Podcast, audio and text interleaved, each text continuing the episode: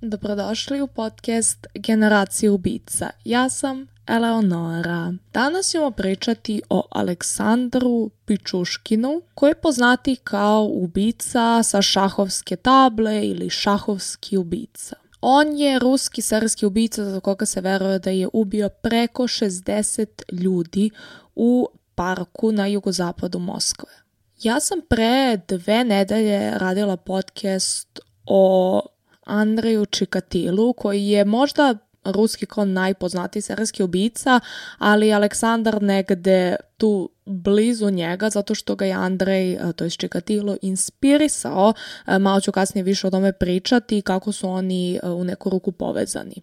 Čikatilo je ubijao mnogo pre Aleksandra, zvaću ga Aleksandra zato što mi je njegovo prezime jako nezgodno za izgovor, tako da ćemo ga zvati Aleksandar. Danas ćemo pričati malo o njegovom detinstvu. Iako ne postoji puno informacije o njegovom detinstvu i životu, uh, uspela sam da sakupim neke informacije kako bismo mogli da naučimo nešto malo više o njemu i njegovom razvitku, uh, zatim o ubistvima, uh, koji je bio njegov motiv, šta je ono što je njemu prolazilo kroz glavu tokom njegovih ubistava, kakav je njegov mentalni sklop i gde je on danas. Aleksandar je rođen 9. aprila 1974. godine u ruskom delu Sovjetskog saveza. On je bio poprilično druželjubivo dete, niko nije primetio ništa čudno u njegovom razvitku, mada kao što kažem, postoji dosta malo informacija o njegovom detinstvu. Ali nešto se promenilo kada je on zadobio povredu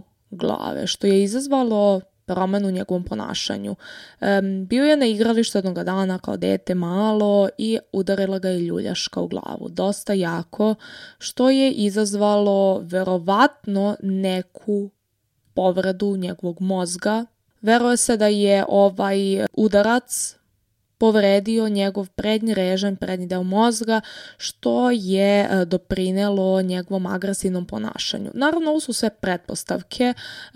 nikada nismo 100% potvrdili da se ova povreda desila i da je ova povreda, ovaj utarac e, uticao na razvitak njegovog mozga. Kao što kažem, pre ove e, nesreće bio je dosta druželjubivo, srećno dete, međutim, nakon ovog udarca e, postao je neprijateljski nastrojen, impulsivan i takođe je doživao dosta vršničkog nasilja i kao dete i kasnije kao adolescent u srednjoj školi um, i njegova majka se plašila da je dobio ovo maltretiranje od strane dece zbog toga što jeste imao problema sa učenjem i problema sa nekom osnovnom socijalnom komunikacijom, tako da je rešila da ga prebaci u školu za decu sa posebnom potrebom, jer je verovala da on ima nekih problema i da mu je to potrebno. Međutim, ova škola um, se više fokusirala da pripremi decu sa posebnim potrebama na normalan život i na funkcionisanje u normalnom svetu.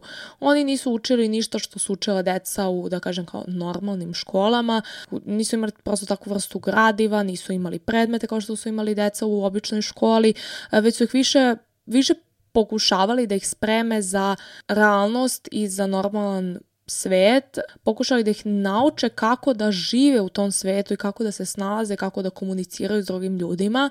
Kada je dostigao rano adolescenciju, njegov deda je rešio da ga ukloni iz te škole zato što je verovao da ta škola nije dobra za njega, da je Aleksandar inteligentan i da je ova škola bila fokusirana na eh, prevazilaženje invaliditeta, a ne na promovisanje postignuća, ne na učenje, što je ono što je on smatrao da je dobro za njegovog unuka. Kao što kažem, pre nego što je prebačen u ovu uh, specijalnu školu, uh, doživljavao je verbalno i fizičko zlostavljanje strane drugih učenika u školi, njegovo ponašanje je postalo agresivno, naglo, mada postoji mogućnost da se njegovo ponašanje dosta promenilo i zbog vršnjačkog nasilja koje je preživljavao, znači da je postao agresivni zato što su ga deca maltretirala. Aleksandar i njegov deda su imali dosta blisku vezu i on je prepoznao da Aleksandar ima više da doprinese. Verovao je da e, njegov unuk ima visok nivo inteligencije i da se njegovi potencijalni talenti troše u školi zato što ne učestvuje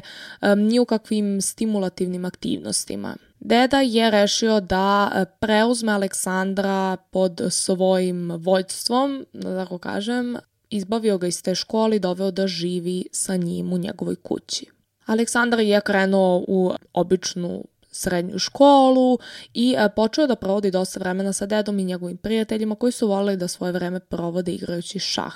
E, šah je postao veliki deo Aleksandrovog života. Naučili su ga kako se igra šah i ova igra izazvala veliko interesovanje kod Aleksandra. Bila je nešto veliko što su ljudi radili u to vreme, mislim, dosta drugačije nego danas. Mislim da danas generalno ne igra toliko puno ljudi šah ili bilo koja društvena igra. Mislim, možete da vidite po parkovima uglavnom e, starije ljude kako igraju šah, ali e, u to vreme bilo dosta drugačije, nije bilo tehnologije i to je bila neka forma relaksacije i zabave koju su danas zamenili TV i kompjuter i slično. Počeo je da provodi dane igrajući šah u parku Bica u Moskvi, gde se takmičio sa iskusnim starim momcima nakon što je naučio igru i pokazao svoje veštine. Znači, u ovom parku su se stvarno održavale velike igre, nisu bili samo starci koji su igrali šah kad im je bilo dosadno, nego je stvarno, ako su bile ozbiljne igre šaha i on je obožavao da to radi.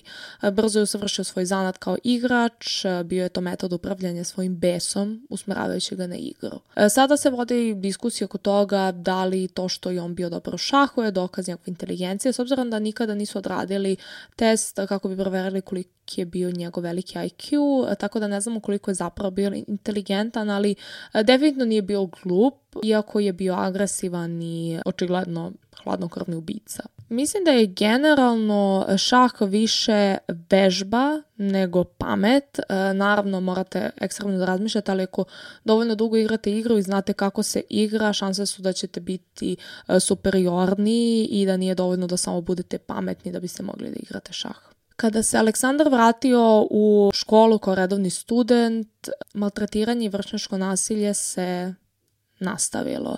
I to definitivno nije dobro uticalo na njegovo razvijanje, pogotovo u tim godinama kada ste dosta teškom emocionalnom razvitku, fizičkom razvitku, samo tražite neku vrstu odobrenja od svojih vršnjaka. Pre kraju svojih tineđerskih godina Aleksandrov deda je preminuo, što je zadalo njemu jedan veliki emocionalni udarac. Smrt svog dede podneo je izuzetno teško, nosio se sa emocionalnom patnjom gubitka najvažnije osobe u njegovom životu. Bio je primoran da se vrati nazad kući kod svoje majke, nakon što je ostao bez dede i upisao se u novu školu.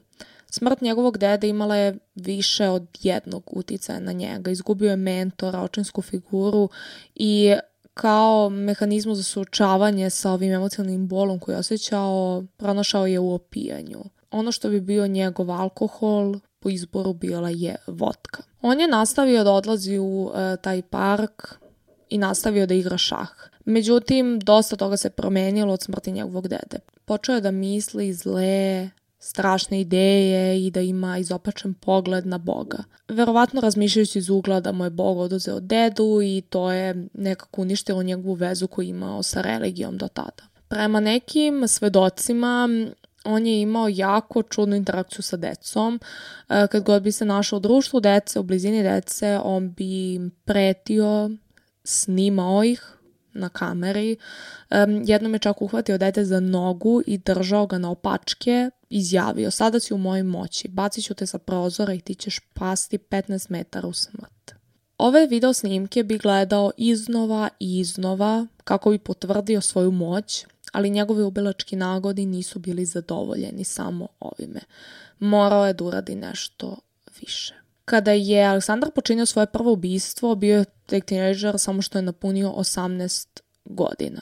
Ono što ga je inspirisalo da želi da ubije nekoga, mislim, verovatno je imao te misli mnogo pre, ali kada je na vestima čuo za hapšenje Andreja Čikatila, koji je bio uhapšen i osuđen za 52 ubistva, Aleksandar je ovo video kao neku vrstu izazova kao da on može da ubije više ljudi. Video je sebe boljim od uh, Čikatila i želeo da počini više ubistava. I imao je jedan konkretan broj u glavi koji je želeo da postigne.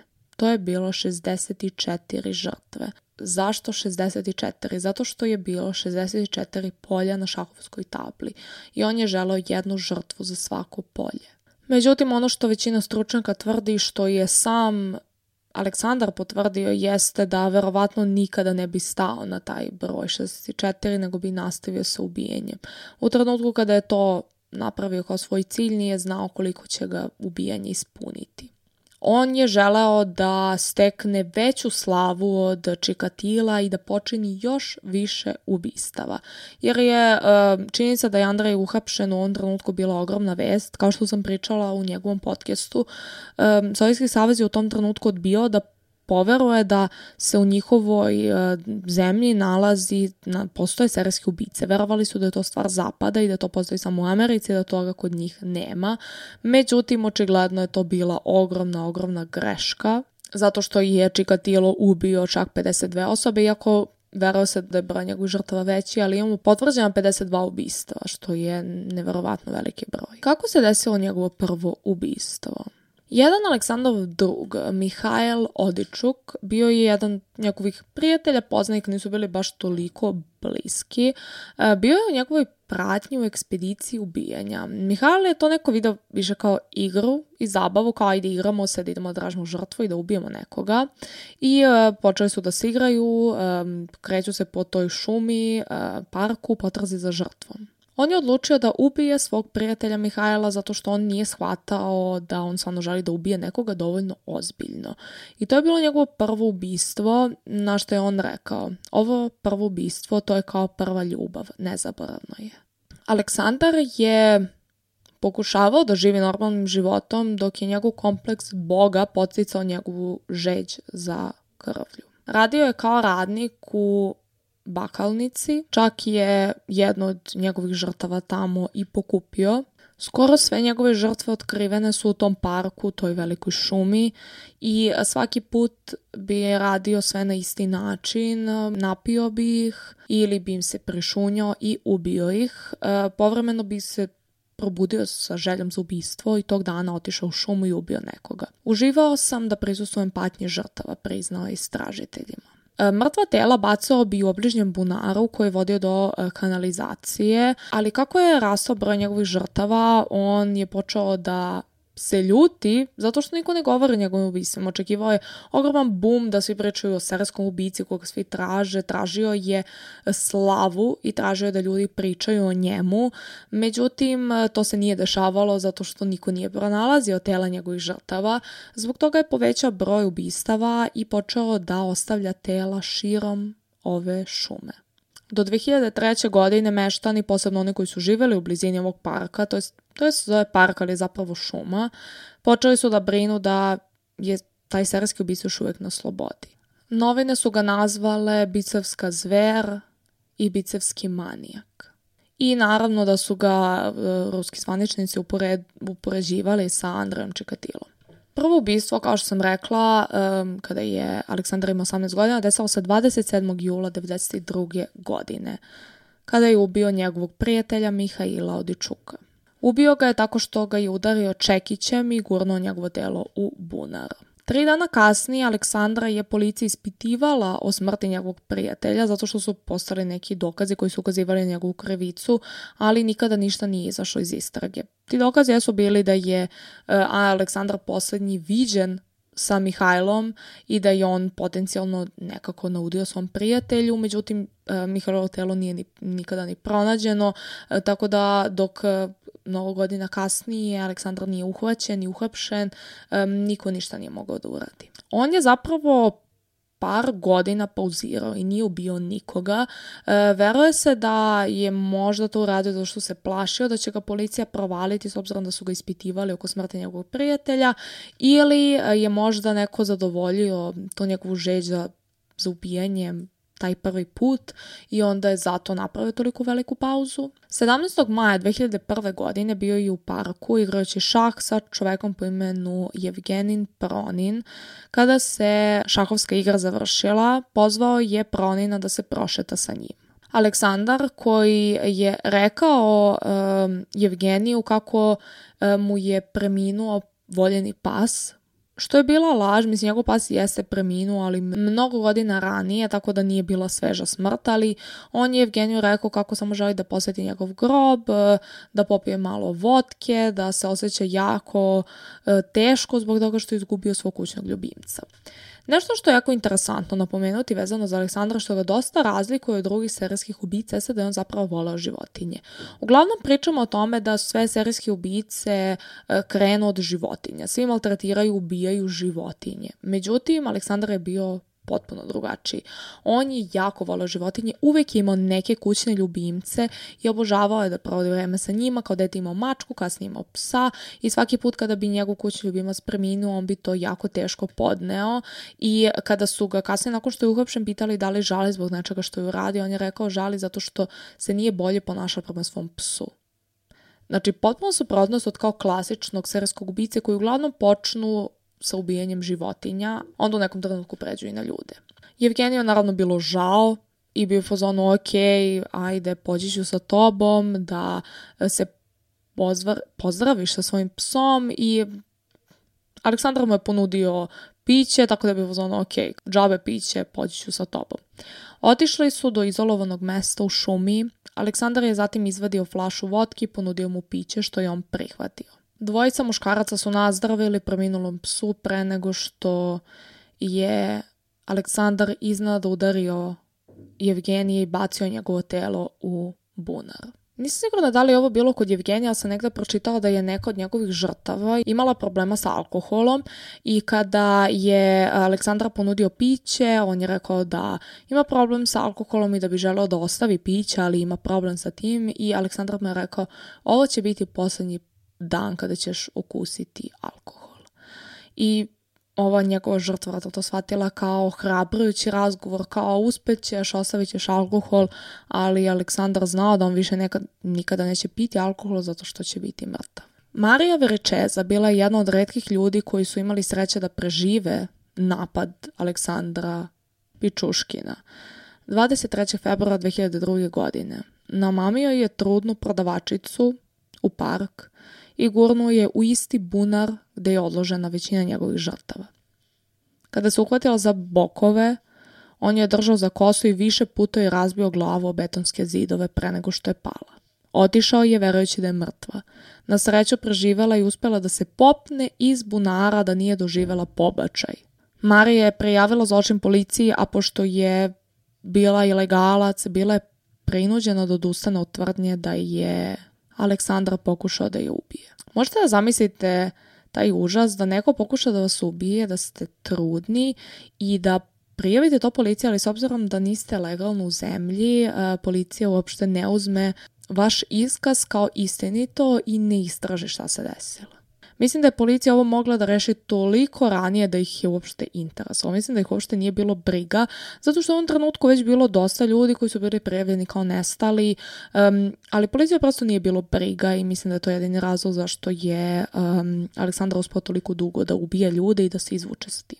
Još jedan dečko je preživeo. To je bio Mihajl Lobov, tinejdžer, klizač, 10. marta 2002. godine, nakon što uh, ga je Aleksandra poveo u park uz obećanje cigareta i vodke, udaren je po glavi i gurnut u bunar. Misleći da je dečak mrtav, Aleksandar je napustio lice mesta.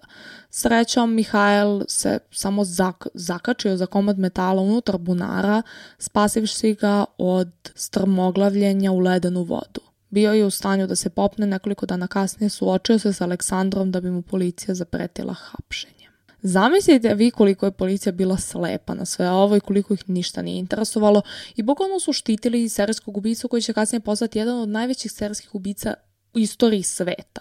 Kao broj njegovih žrtava je toliko veliki da je on jedan od najvećih serijskih ubica ikada, što je bukvalno neverovatno. 15. novembra 2003. komšija Konstantin Polikarpov pozvan je na piće u park. Aleksandar ga je udario čekićem tri puta pre nego što ga je bacio u bunar. Ovo je bio njegov preferirani način ubijanja jeste da ih udari u glavu i da sluša kako im puca lobanja. To je bio njegov omiljeni način ubijanja i često bi zabio slomljenu flašu vodke u njihovu glavu. Ponovo je otišao pretpostavljajući da je njegova žrtva mrtva. Konstantin se uspešno popeo nazad iz bunara, ali je zadobio povradu glave, zbog čega se ne seća ničega o napadu. Policija je počela ozbiljnije da shvata ubistva kada se pojavio mrtvi bivši policajac pomenu Nikolaj Zakarčenko, ubijen 16. novembra 2005. godine. Njegovo telo je ostavljeno na otvorenom, umesto da bude odloženo u bunar, verovatno kao svojevrsni izazov za policiju. Aleksandar je počeo da postaje samouveren, ostavljajući tela na videlo, ali i dalje bio dovoljno oprezan da izbegne hvatanje. Koji je bio njegov modus operati? Obično bi namamio svoje žrtve obećanjem vodke ili drugih stvari, kao što su bile cigarete, možda neka droga, ali ne znam koliko je tada bilo, sve je bilo je drogi. Uglavnom bi ganjao beskućnike, ali bi ponekad jurio i žene i decu. Kada bi svoje žrtve odveo na osamljeno mesto u obližnjoj šumi, prevario bi ih da odaju poštovanje njegovom preminulom psu. Dok je žrtva bila zauzeta time, Aleksandar bi ih udario čekićem. Udarci su obično bili dovoljni da ih ubiju, a drugi put bi ih bacio u bunar dok su još uvek bili živi, ponekad čak ni čekić ne bi koristio. Bunar je bio mesto gde je obično odlagao tela, ali kasnije počeo da ih ostavlja na otvorenom. Često bi gurao razbijene flaše vodke u rupe lobanja svojih žrtava. Kao način brojanja nosio bi šahovsku tablu i popunjavao polja kad god bi nekoga. Jer kao što kažem, želao je da ubije ljudi koliko ima polja na šahovskoj tabli. Uvek bi napadao svoje žrtve s leđa da bi sprečio da mu krv dospe na odeću i napadi su bili žestoki. Njegov jedini pokretački faktor bili su zadovoljstvo i moć. Tvrdio je da zato što on jedini određuje da će neko živeti ili umreti, ubistvo je činilo da se osjeća kao bog. Jednom je rekao, živeti bez ubistva je za tebe kao život bez hrane. Pošto sam ja bio prvi koji ih je pustio u drugu oblast, osjećao sam se kao otac svih ovih ljudi. On je smatrao da su da je ubijanje kao hrana, kao što bi za nas bila hrana, znači nešto bez čega ne možemo da živimo, to je za njega bilo ubijanje. Specijalisti psihijatra instituta Srpskog utvrdili su da je Aleksandar trajno psihički oštićen. Ovaj veliki park, Bica park, je velika šumovita oblast koja se prostira na 22 kvadratna kilometra na jugu Moskve. To je park u kome je um, Aleksandar ubijao. Policija je u Moskvi 15. oktobra 2005. godine otkrila telo Nikolaja Vorobjova koji ima 31 godinu. Žrtva je udarena u glavu i u glavi je zabijena flaša. Telo druge žrtve pronađeno mesec dana kasnije, koji ima 63 godine, dve nedelje kasnije Vladimir Doduktin i samo nedelju dana nakon toga otkriveno još jedno telo.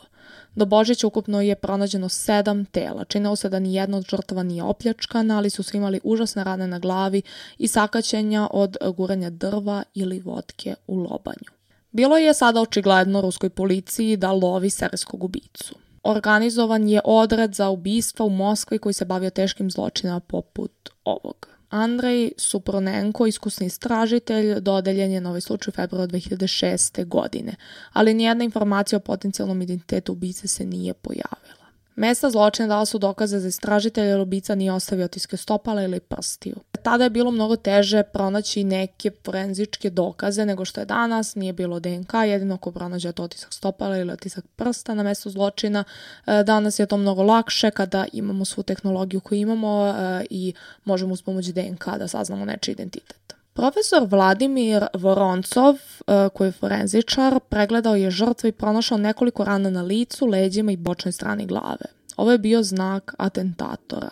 On ipak uspeo da identifikuje potencijalno oružje ubistva, Čekić, u nedostatku više forenzičkih dokaza. Interesantno je što imamo um, forenzičare, doktore i u slučaju Andra Čekatilo koji su napravili dosta dobru pretpostavku toga kako izgleda i kakvu ličnost ima Uvisa, što je slično bilo i u ovom slučaju. Pored ovog parka nalazio se psihijatrijski sanatorijum i e, policija verovala da je ubica možda bivši pacijent koji se oslobodio i pobegao i sada se krije u parku i ubija ljude. Oni su ispitali sve, svaku osobu iz tog sanatorijuma, ljude koji rade tu, pacijente, ispitala je sve za koje su mislili da bi mogli biti sumnjivi. Međutim, niko se nije istakao kao potencijalno osumnjičeni, pa je teorija napuštena. Nije bilo ljudi koji su pobegli, koji su nestali, niti bilo šta slično. Policija je pronašla više različitih e, potencijalnih osoba od interesa. Jedan čovek koji u svom prtljagu nosio čekić radi zaštite. Iako se činilo kao da je potencijalni serijski ubica, bio je u policijskom pritvoru, međutim nakon 24 sata potvrđen mu je libi i e, potvrđeno da on nije ubica koga traže. Pronađeno je telo žene nelju dana kasnije, broj do sada pronađenih tela dostigao je 12. Čini se da je ubica promenio svoje mete i sada gađa žene. Telo Larise Kuligine pronađeno je u aprilu 2006. godine. Aleksandar je počinio svoje poslednje ubistvo 14. juna 2006. Marina Muskaljova radila je u istoj prodavnici u kojoj je radila još jedna žena, Larisa Kuligina, koju sam malo pre pomenula. Pre nego što je iznenada nestala, nju je ubio Aleksandar, koji je bio saradnik 12. aprila. Uprkos tome činilo se da Larisin čudni nestanak nije uticao na Marinu, pod pretpostavkom da je ona toga uopšte bila svesna. Prošetala se svojim kolegom u Bica parku, gde je potom udario čekićem. Ono što Aleksandar nije znao jeste da je Marina neposredno pre nego što je pošla sa njim ostavila poruku svom sinu koja je rekla kuda ide i ko je sa njom. U poruci je bio i njegov broj telefona. Dečak je pozvao Aleksandra koji je rekao da nije video njegovu majku. Očigledno sumnjiv, dečak je o tome obavestio svog oca. Očigledno sumnjičav, dečak je o tome obavestio svog oca koji je potom pozvao policiju. Još jedna stvar za koju Aleksandar nije bio svestan je da je Marinina odeća sadržala kartu za metro. Pregledani su snimci CCTV kamera, stanica u kojoj je kupila pomenuto kartu na kojoj se vidi da Aleksandar hoda pored nje. Samo dva dana kasnije je uhapšen. Jedan posredni dokaz protiv Aleksandra bila je činjenica da je vodio dnevnik. E, navedeni dnevnik sadržao je 64 polja, slično kao šahovska tabla. Svaki kvadrat je predstavljao nekoga koji je ubio. 62 je bilo popunjeno a kasnije umanjeno na 60 kada je Aleksandar saznao da su dve njegove žrtve preživele, žrtve o kojima sam ranije pričala. Bi u ovom kvadratiću pisao datum i ime žrtve. Znači policija imala sve u tom dnevniku. Međutim, od navedenih 60 ubistava samo 48 je potvrđeno. Prema Aleksandru, on je idealizovao Andra Čikatila i takođe je priznao da je uspao da dođe do 64 ubistava, ubio bi još više ljudi, da nije bio ni tada zaustavljen. Najveći dokaz jeste bio taj CCTV snimak na kome vidimo da su njih dvoje bili zasigurno zajedno i da je on bio poslednja osoba koja je bila sa Marinom. Smatrali su da imaju dovoljno dokaza da ga privedu na ispitivanje u vezi sa smrću Marine Moskoljove.